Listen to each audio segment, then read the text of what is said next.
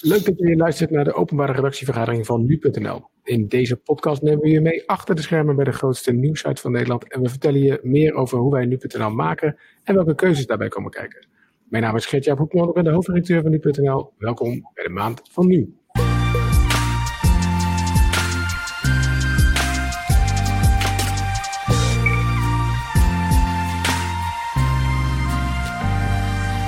We gaan het uh, uh, deze week hebben over een van de toch wel grotere verhalen die, die, die spelen. Namelijk de klopjacht in België uh, op Jurgen Konings. Dat is die militair die nogal nou ja, een dreiging heeft gedaan op onder andere Mark van Rans. Mark van Rans is een van de bekendste virologen in, in, Vlaanderen. En daarvoor hebben we een speciale gast in de uitzending. En um, laten we gewoon meteen gaan voorstellen. Namelijk dat is Farouk uh, En Farouk, goede, goedemiddag. Goedemiddag. Ja, Farouk, wij, uh, we moeten nog een beetje wennen. Nu.nl is pas recent uh, onderdeel van DPG Media, maar we, we, zijn gewoon collega's van elkaar, hè? Klopt, klopt. Welkom bij de club, zou ik zeggen. Ja, dank je, dankjewel. Farouk, je bent... Um, mag ik zeggen dat jij de, de, de, Vlaamse Peter de Vries bent, of beledig ik je dan enorm? Nee hoor, nee hoor, nee hoor. Ik uh, associeer Peter R. de Vries uh, op een positieve manier. Uh, iemand die helpt om misdrijven uh, op te lossen. Dus ik denk uh, op dat vlak zitten we wel in hetzelfde vaarwater. Ja, en je, hebt een, uh, je bent een misdaadjournalist voor, voor VTM, hè? De, de, de Vlaamse RTL, denk ik dat ik het zo een beetje mag, mag zeggen, commerciële nieuwszender. En je hebt ook een eigen opsporingsprogramma, dus dat, zo kwam ik ook wel een beetje aan, aan, de, aan de vergelijking. Um, jij volgt deze zaak dus op de voet, neem ik aan? inderdaad. Um, on, onvermijdelijk. Hè. Dit was inderdaad een van de, van de grootste zaken uh, van de afgelopen dagen.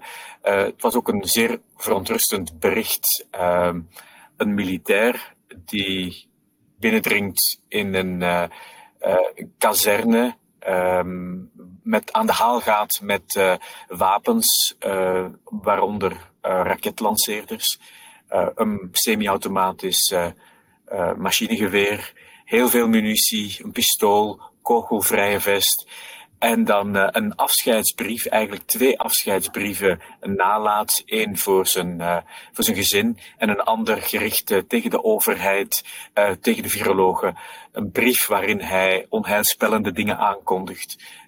zegt dat hij het beu is om geregeerd te worden door politici en door virologen vooral. Ja. Nu, um, wat die man dan zo bijzonder maakt, is dat hij in het verleden alles uh, Mark van Ranst uh, bedreigd heeft uh, en daar ook voor gesanctioneerd is.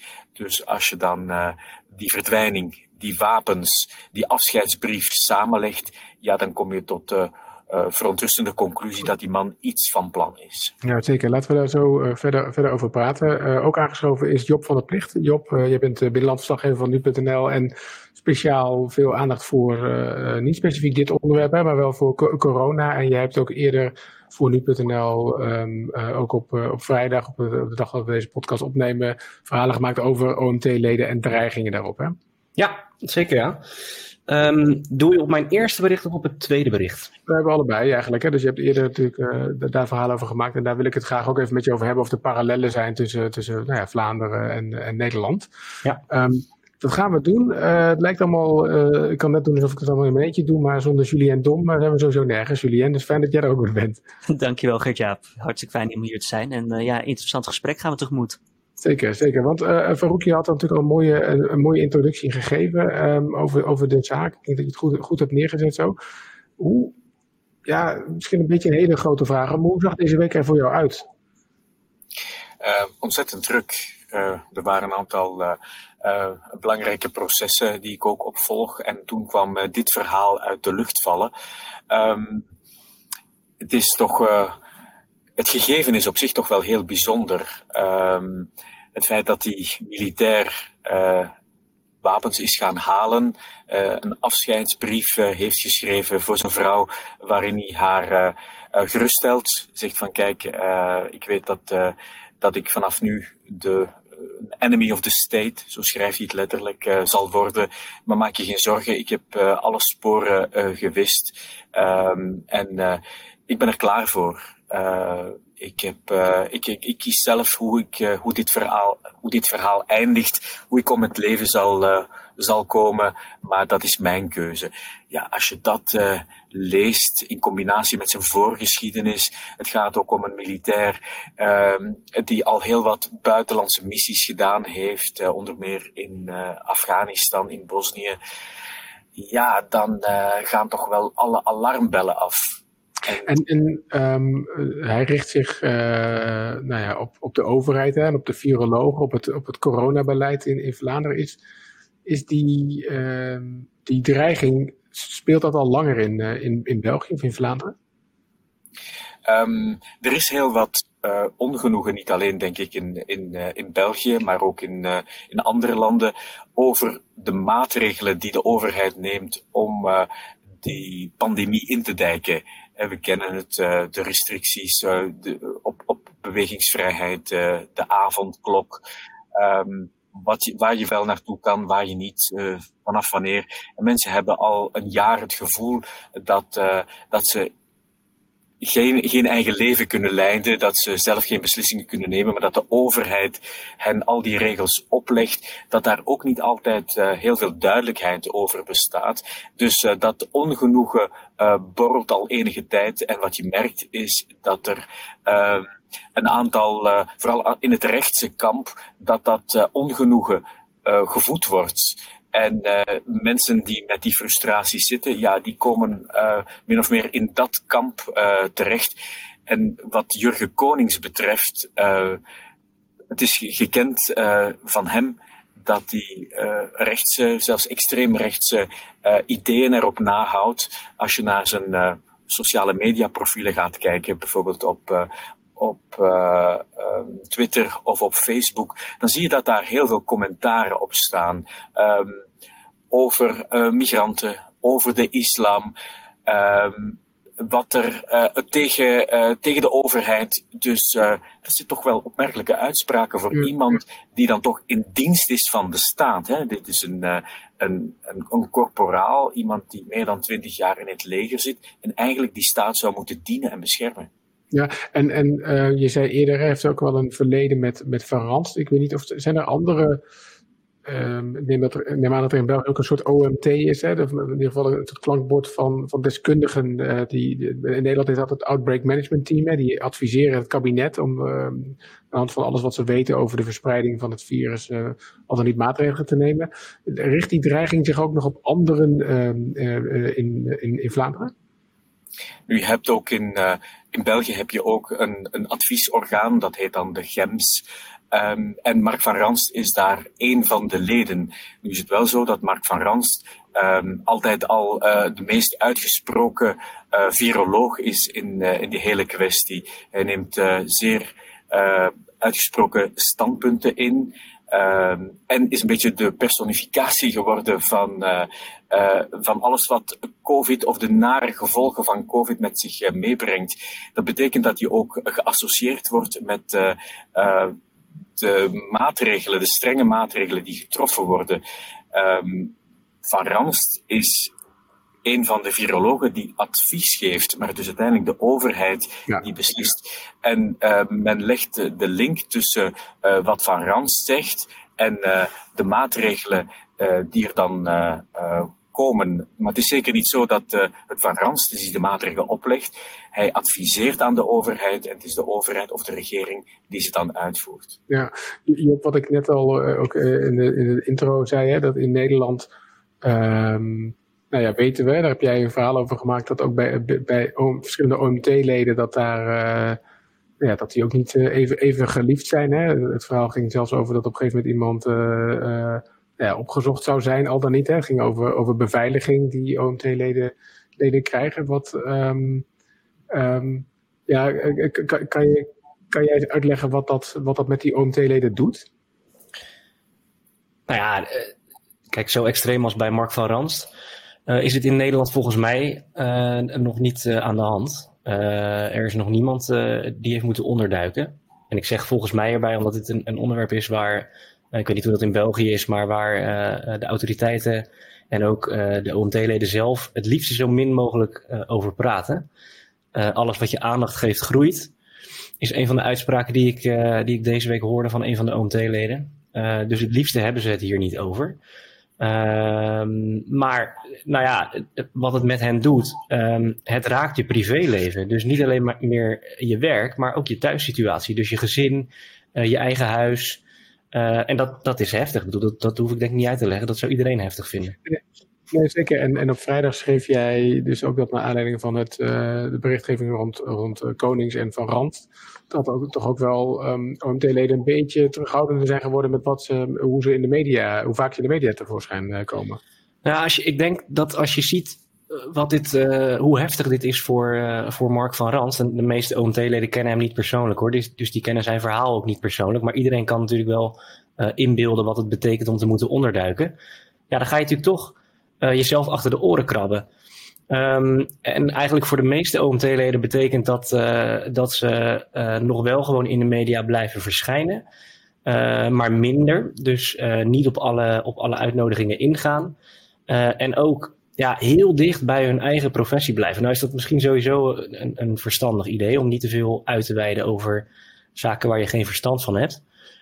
maar dat is een andere discussie. Ze voelen zich gewoon niet vrij om nou, om echt vrij te praten.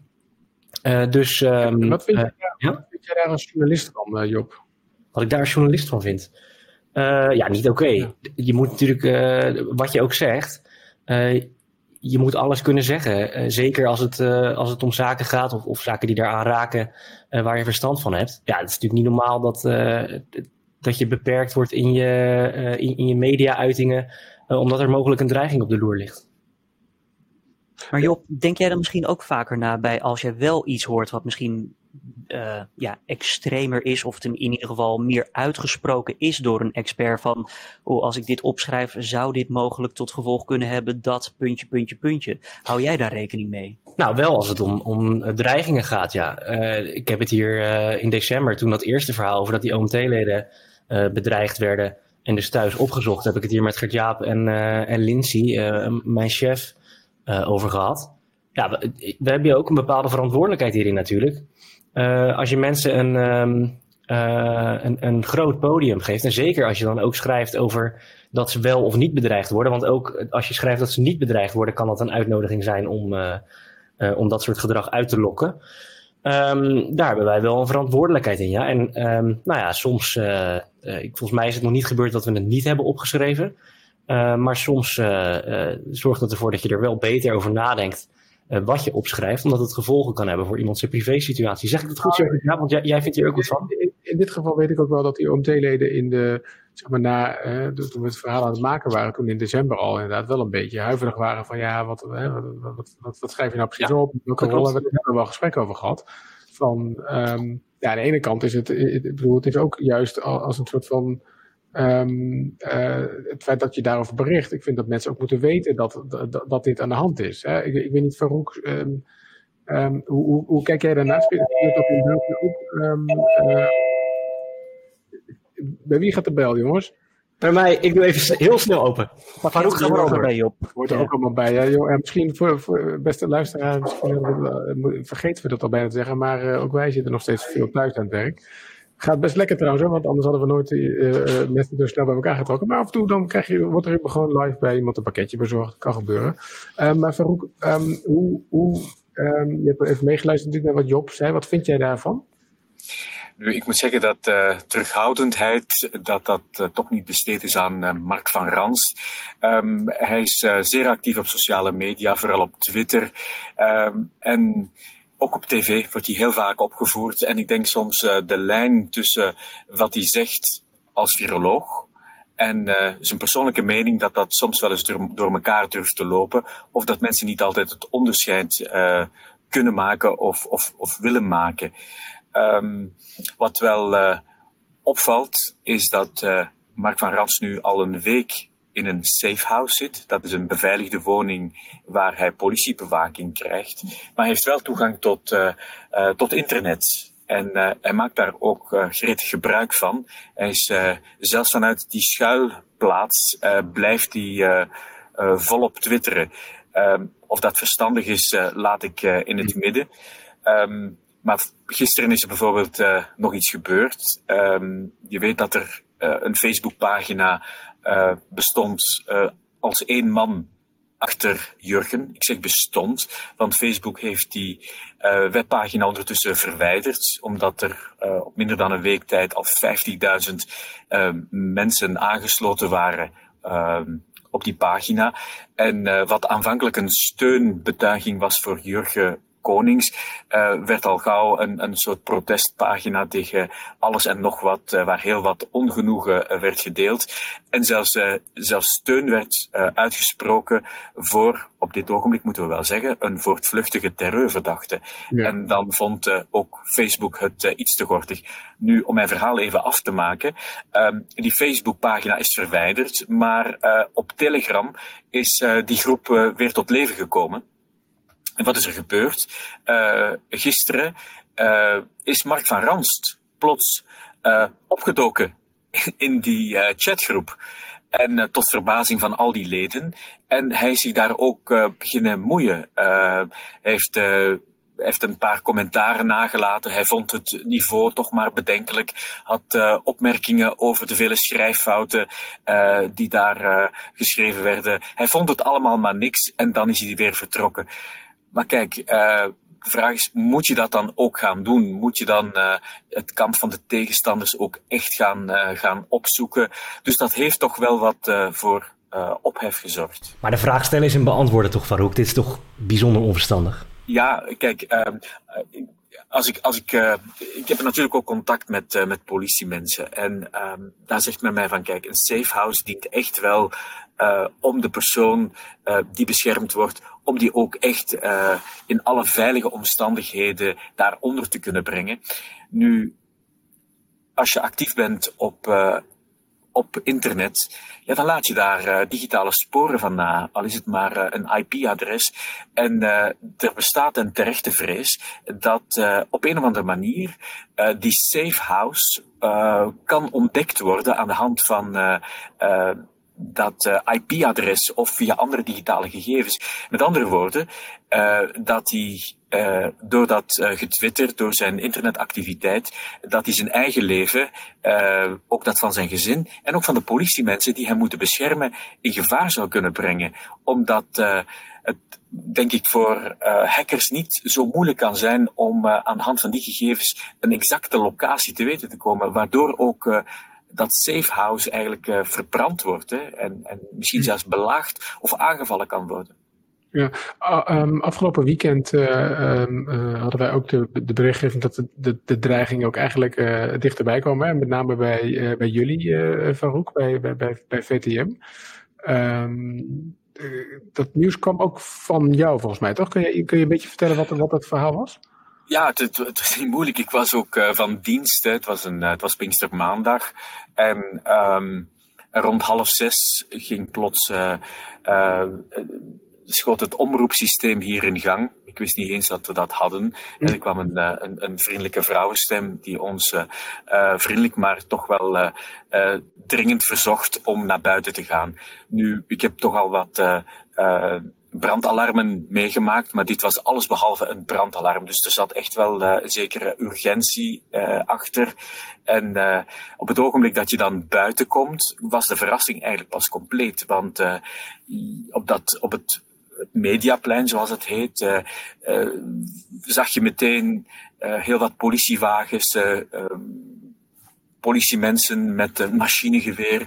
Ehm, en ja, dat is toch even schrikken. Uh, En dan pas wordt duidelijk van ja, hier is toch wel iets ernstigs aan de hand. Want ondertussen weet je eigenlijk niet wat er gebeurt. Dus we zijn, het was ook aan het regenen, dus we zijn gaan schuilen uh, ergens vlakbij. En dan werden we onder politiebegeleiding, dan spreek ik toch wel over een groep van zo'n 50 uh, uh, mensen, zijn we dan naar een, een veilig onderkomen gebracht in afwachting van een sweeping van het gebouw. Ja. Voelde je je daar dan ook veilig? Ja, kijk, dat vind ik nu, eh, dat vind ik nu echt een hele goede vraag. Hè. Je moet je afvragen, waar ben je nu het veiligst? Ben je veilig in, in het gebouw waar je eigenlijk ook niet zomaar kan binnendringen? Want op het ogenblik dat we daar allemaal stonden buiten, op het ogenblik dat je de, de, de deur verlaat, hè, of de, op, op straat staat, ja, dan denk je van, kijk, als iemand iets wil doen, ja, dit is wel nu het uitgelezen moment, want we staan er allemaal, we kunnen geen kant op. Um, stel dat iemand het vuur zou willen openen of met een wagen op ons zou willen inrijden, ja, we staan er allemaal. Dus dat vond ik toch wel uh, opmerkelijk. Ja dat, dat er wel noodplannen zijn om je uit het gebouw te leiden, maar eenmaal op straat ja, ben je een beetje aan je lot overgelaten. Want het is ook een beetje een duivels dilemma, hè? want er was geloof ik aan de ene kant een bommelding en aan de andere kant de berichtgeving of dat, dat er ook een groep op een, klop, uh, ja, een knokploeg op weg zou zijn naar het hoofdkantoor. Um, ja, dan kan je ook nadenken, ik wil ze niet op een idee brengen, maar je doet een valse bommelding, dan gaat iedereen naar buiten en dan staan wij daar, zeg maar. Dat, dat is een beetje, ja, lijkt me nogal lastig. Ja, je, had bijna het gevoel dat je, dat je in een valstrik was gelopen. Hè? Dat je daar plots. Uh, en dan voel je ook dat je dan op dat ogenblik eigenlijk wel heel kwetsbaar bent. Je, ik, ik vind dat op een redactie ben je nog altijd. Dit is toch een, een echt een veilige plaats. Hè? Je, je kan zomaar ook niet zo'n gebouw binnendringen. Um, of, of op zoek gaan naar, naar journalisten. Nee, en nou. Um was het nieuws. Hè? Dus er was een bommelding. Tegelijkertijd zou er een knokploeg of een club op weg zijn naar, nou ja, naar wie dan ook. Hè? Zou je kunnen afvragen omdat, omdat er een beetje het gerucht was dat mensen binnen DPG het adres zouden hebben. Uh, denk je dan, Farouk, ook aan je eigen positie? Jij bent natuurlijk een nou, prominente figuur um, in dit dossier ook. Ja, ik, ik vind het een heel raar. Kijk, uh, die informatie is voor alle duidelijkheid kwam uit Nederland. Dus er is iemand uitgenodigd om deel uit te maken van die knokploeg. Um, er is uh, een aanslag uh, besproken. Een dubbele aanslag. Enerzijds uh, het afleveren van een bompakket. Of dat dan gebeurd was ondertussen of niet, was niet duidelijk. En langs de andere kant wilde men, als ik dat zo mag zeggen, Mark van Ranst een lesje leren. dat had misschien ook wel te maken met wat er zich de dagen voordien heeft afgespeeld. Maar de informatie die bij ons is terechtgekomen via de Belgische politie, die het op, op haar beurt dan vernomen heeft via de Nederlandse politie, was dat er vijf mannen, mogelijk uh, militair, paramilitair, op weg waren in een jeep, een Dodge, um, en dat die melding is gebeurd um, in Bergen op Zoom. Nu, een van die deelnemers zag dat toch niet zitten, um, was ook uh, zeer verontrust door die plannen heeft dan zelf contact opgenomen met de politie. Om te zeggen van kijk, ik, heb, ik wil er niks mee te maken hebben, maar ik vind wel dat u het moet weten. Het is zo dat uh, de Nederlandse politie dan uh, de Belgische politie verwittigd heeft. En de plannen zouden uitgevoerd worden om zes uur s avonds. Dus als je weet dat we dan om half zes geëvacueerd zijn, nou, zoveel tijd was er dan eigenlijk ook niet over. Nu, we hebben die knokploeg ook niet gezien. Zijn die onderschept? Uh, aan, de, aan de grens uh, is dat tegengehouden? Dat is allemaal niet duidelijk. Ik kan alleen maar afgaan op wat wij dan vernemen, informeel, via de Belgische politie. Want in Nederland, uh, nog bij het OM, nog bij de politie, kom je ook maar iets te weten.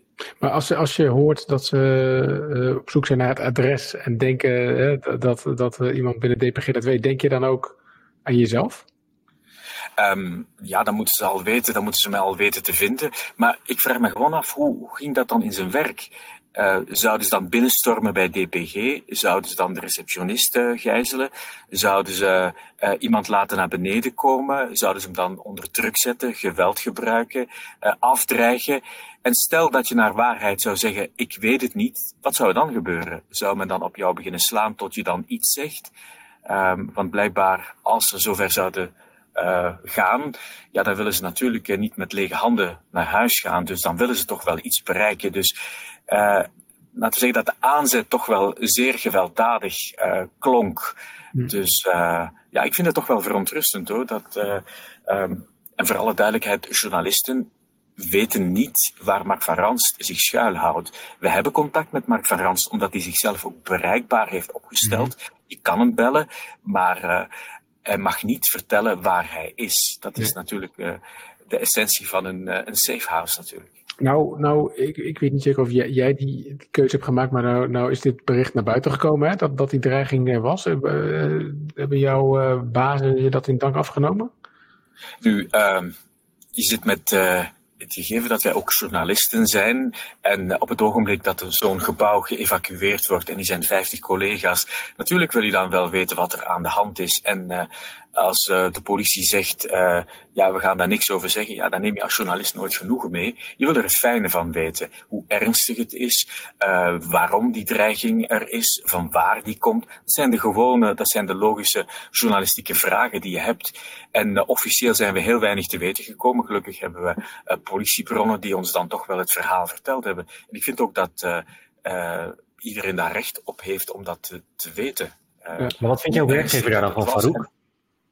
Wat vindt je werkgever ja, daarvan? Uh, het is mijn uh, werkgever die mij dan uh, ik, ik heb nog voor het nieuws van 7 uur, die nooduitzending die we dan gemaakt hebben, ben ik dan nog live gegaan, buiten de perimeter, met de politie op de achtergrond, om dan toelichting te geven over wat ik op dat ogenblik wist. En ik ben dan s'avonds nog uh, in een extra nieuwsuitzending in de studio komen zitten om daar ook nog toelichting te geven. Ik heb op geen enkel ogenblik uh, de vraag gekregen om mij in te houden of een bepaalde informatie niet te geven. Dus ik denk ook dat men van mij verwachtte dat ik uh, die informatie zou delen.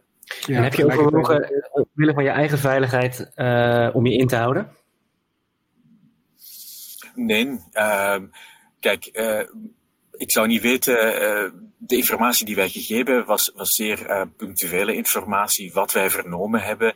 Uh, het enige wat, wat onduidelijk was, was van wie het nu eigenlijk, eigenlijk uitging. er was sprake van de Freedom Fighters, dan was het, ging het over de, de Dutch Freedom Fighters, dan kom je al terecht bij een Facebookgroep de Dutch Anonymous Freedom Fighters. Uh, dat bleek het dan niet te zijn. En dan hebben we via een bron vernomen dat het over de Freedom Fighters the Netherlands zou gaan.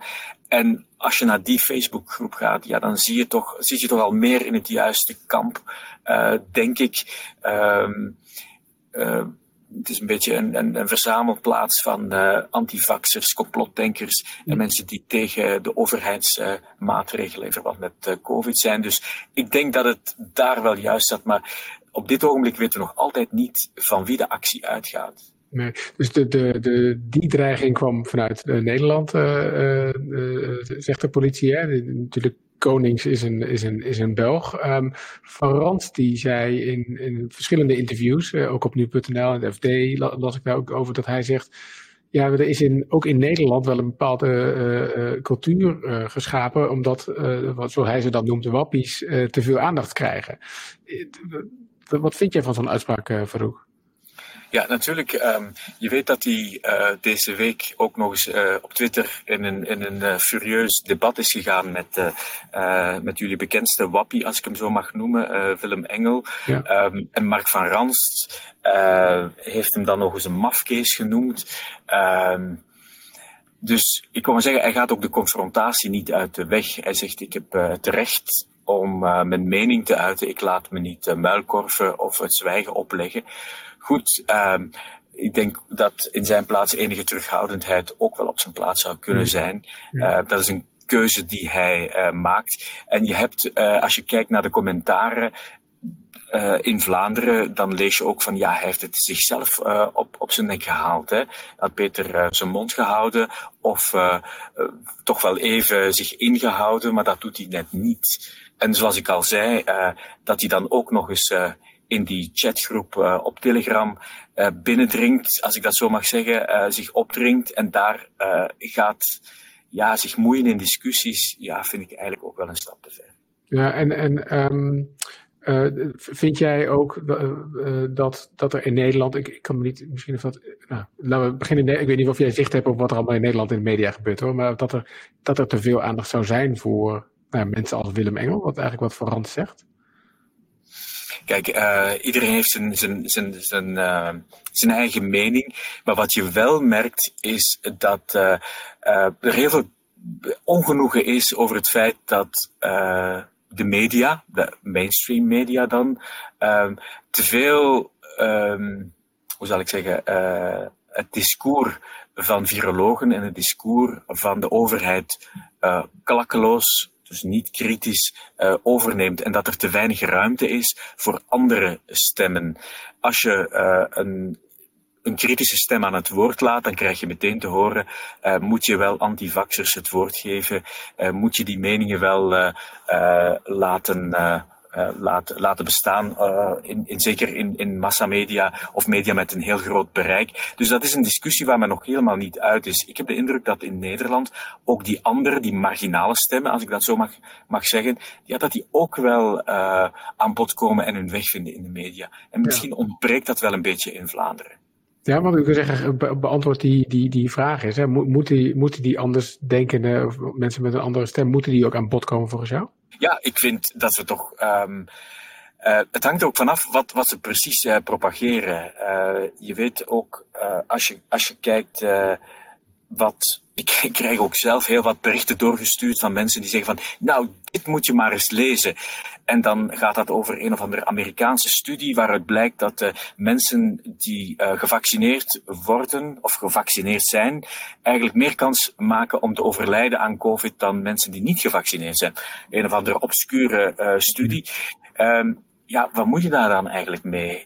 en dat valt me op dat, dat je nu twee kampen hebt. Je hebt mensen die de algemene uh, gekende pers volgt uh, voor hun informatie. En dat daarnaast mensen die daar hun gading niet in vinden, zelf op zoek gaan naar uh, alternatieve media die hun ideeën en hun opvattingen eigenlijk bevestigen of, of benadrukken. En dat is, vind ik een heel gevaarlijk feit, omdat je dan komt bij die alternate, alternative facts. Ja. Is dat, we, uh, dat, dat er over hetzelfde twee verschillende meningen, of, of een meningsverschil is over de feiten, terwijl je over de feiten eigenlijk niet zou mogen discussiëren. Nee, dit, zo, zo, zitten wij er ook in hoor. En ik kan me wel herinneren dat helemaal in het begin dat Willem Engel wel uh, ook in talkshows in Nederland tegenover een, nou ja, een Van Dissel of uh, Gommers zat. Uh, waarvan ik ook dacht, ja, is dit nou een eerlijk, is dit nou een eerlijk debat? Hè? Iemand die en tegelijkertijd is het natuurlijk ook zo dat zeker corona of COVID, het is een nieuw iets. Hè, dus we zitten eigenlijk allemaal op de eerste rij, terwijl de, terwijl de wetenschap werkt. En die, en die verandert ook van mening soms. Hè. Dus iemand die in het begin van COVID een hele stellige mening kan hebben over de, de rol van aerosolen, ik noem maar wat, in in de buitenlucht. Die kan toen geen gelijk hebben en misschien een jaar later toch wel. Uh, vind ik ook wel lastig hoor. Maar um, uh, tot slot, ik wil nog even um, naar een ander uh, aspect van deze, van deze klein, van, de, van een klein aspect van deze, deze zaak. Wij in, bij nu.nl, en ik weet oprecht niet hoe dat in België zit hoor, maar wij zijn altijd ook nog best in eerste instantie terughoudend als de politie naar buiten komt met foto's en achternamen. Omdat wij zeggen, ja, wij zijn geen verlengstuk van, van justitie. Hè. Um, mensen hebben recht op hun, uh, hun, privacy of, of familieleden hebben recht op, uh, op, op, op, op privacy. En in eerste instantie dachten wij, of laat ik de vraag eerst stellen, hoe, hoe zit dat in, in, in België, Farouk? Hoe gaan jullie daarmee om? Heb je het over de zaak uh, Jurgen Konings? Ja, nu, nu, heb ik het over Konings, maar ik ben ook wel benieuwd, zijn, zijn daar een soort van regels of afspraken? Ja, absoluut. absoluut. Er zijn regels, uh, zeker in, uh, in strafzaken, in gerechtelijke onderzoeken, dat je de identiteit van de persoon ehm, niet onthult. Um, net omdat het vermoeden van onschuld nog speelt. Die persoon is het voorwerp van een gerechtelijk onderzoek, maar het is nog lang niet uitgemaakt dat hij effectief ook uh, schuldig is aan die feiten, dat zal pas blijken als hij daar ook uh, daadwerkelijk voor veroordeeld wordt. Nu, dat betekent dat we dus werken met de initialen of uh, de eerste, of laten we zeggen de voornaam en, en het initiaal. Nu, um, bij de eerste berichten over Jurgen Konings bijvoorbeeld, werd hij altijd omschreven als een militair. Men gebruikte ook de afkorting JC. Hm. Um, en de foto's die waar we over beschikten, die werden anoniem gemaakt. En ik, ik, kreeg toen uh, ook uit Nederland uh, de opmerking van, dit is toch wel heel raar. Uh, er wordt gezocht naar die persoon en jullie doen er alles aan om hem zo onherkenbaar mogelijk te maken. Hmm. Um, hoe, hoe is dat te verklaren? En de uitleg was eigenlijk heel simpel. Uh, wij mogen de identiteit, we, we, mogen de identiteit volgens de journalistieke code ook wel bekendmaken als dat maatschappelijk relevant is. Maar hier, in dit geval, waren we aan het wachten op uh, het, het, officiële opsporingsbericht van uh, het, het, het Openbaar Ministerie. En op het ogenblik dat het uh, politie en gerecht bekendmaken dat ze deze persoon zoeken, ja, dan geven ze ook uh, zijn volledige naam uh, en ook zijn foto vrij. En van dan af hebben we ook beslist, wij niet alleen, maar ook andere media, om de naam volledig te gebruiken en ook die foto te gebruiken. Waarom? Omdat de oproep werd gedaan om die man te vinden. Ja. En Het, het, het gekke het klinkt nu misschien wel, uh, op het ogenblik dat Jurgen Konings zou gevat worden, um, dan zou je zijn naam eigenlijk wel niet meer mogen gebruiken. Dan zou je moet, terug moeten over JC of Jurgen C moeten praten.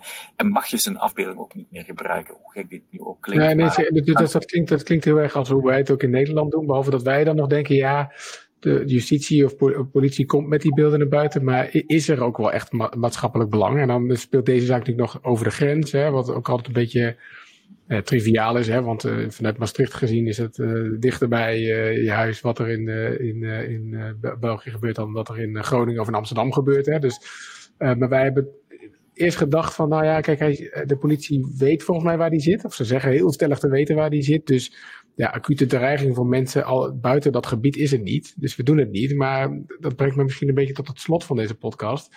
Inmiddels zijn we ruim, uh, wat is het, anderhalve week uh, verder. En hij is nog steeds niet uh, gevonden. Dat, dat, dat, dat heeft ons in ieder geval doen besluiten van ja, misschien zit hij toch wel niet daar. En wij, wij doen nu ook foto en achternaam en dergelijke, hetzelfde als jullie. Maar hoe, hoe, denk jij dat dit nu verder gaat aflopen eigenlijk? Wat, is de, wat zijn de, de laatste ontwikkelingen? Wel, uh, je weet dat er enkele dagen gezocht is in een uh, natuurpark, uh, een groot gebied. Um, niet zo makkelijk om dat te doorzoeken. Dat heeft niets opgeleverd. Um, er zijn ook uh, tien huiszoekingen gebeurd in extreemrechtse middens, omdat men dacht dat, dat, daar, dat Jurgen Konings daar misschien verborgen werd gehouden. Dat heeft op het eerste gezicht ook niets opgeleverd. En gisteren is dan de zoeking in de bossen opnieuw van start gegaan uh, heeft één dag geduurd.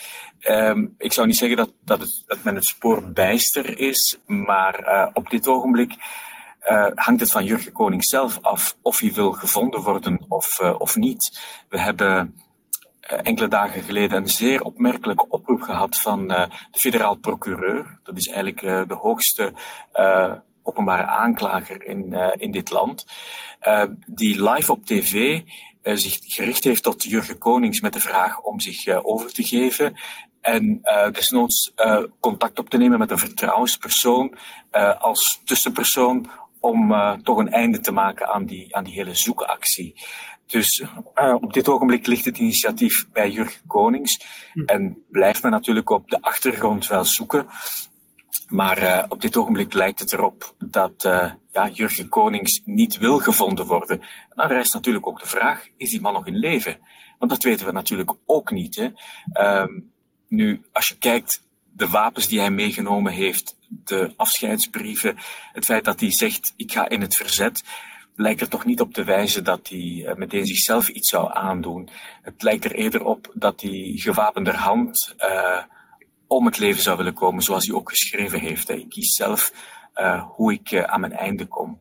Ja. Dus, uh, maar het blijft onduidelijk natuurlijk. Ja, zeker. Nou, we gaan dit, ja, dit, dit verhaal uiteraard blijven volgen. En ook zeker via, via, via jouw werk, Farouk uh, Super bedankt voor, jou, voor, je, voor je tijd en jouw aanwezigheid. Ik heb een boel van opgestoken. En nou, veel succes met, met het vervolg van deze zaak. Dankjewel ja, Job van de Plicht, voor jou natuurlijk hetzelfde. Hè? Vanuit, vanuit Nederland uh, volgen we dit verder. En uh, nou ja, zoals je al hoort van Verhoek, er zit wel een duidelijke Nederlandse kant aan dit verhaal. Dus we zijn ook nog niet klaar mee.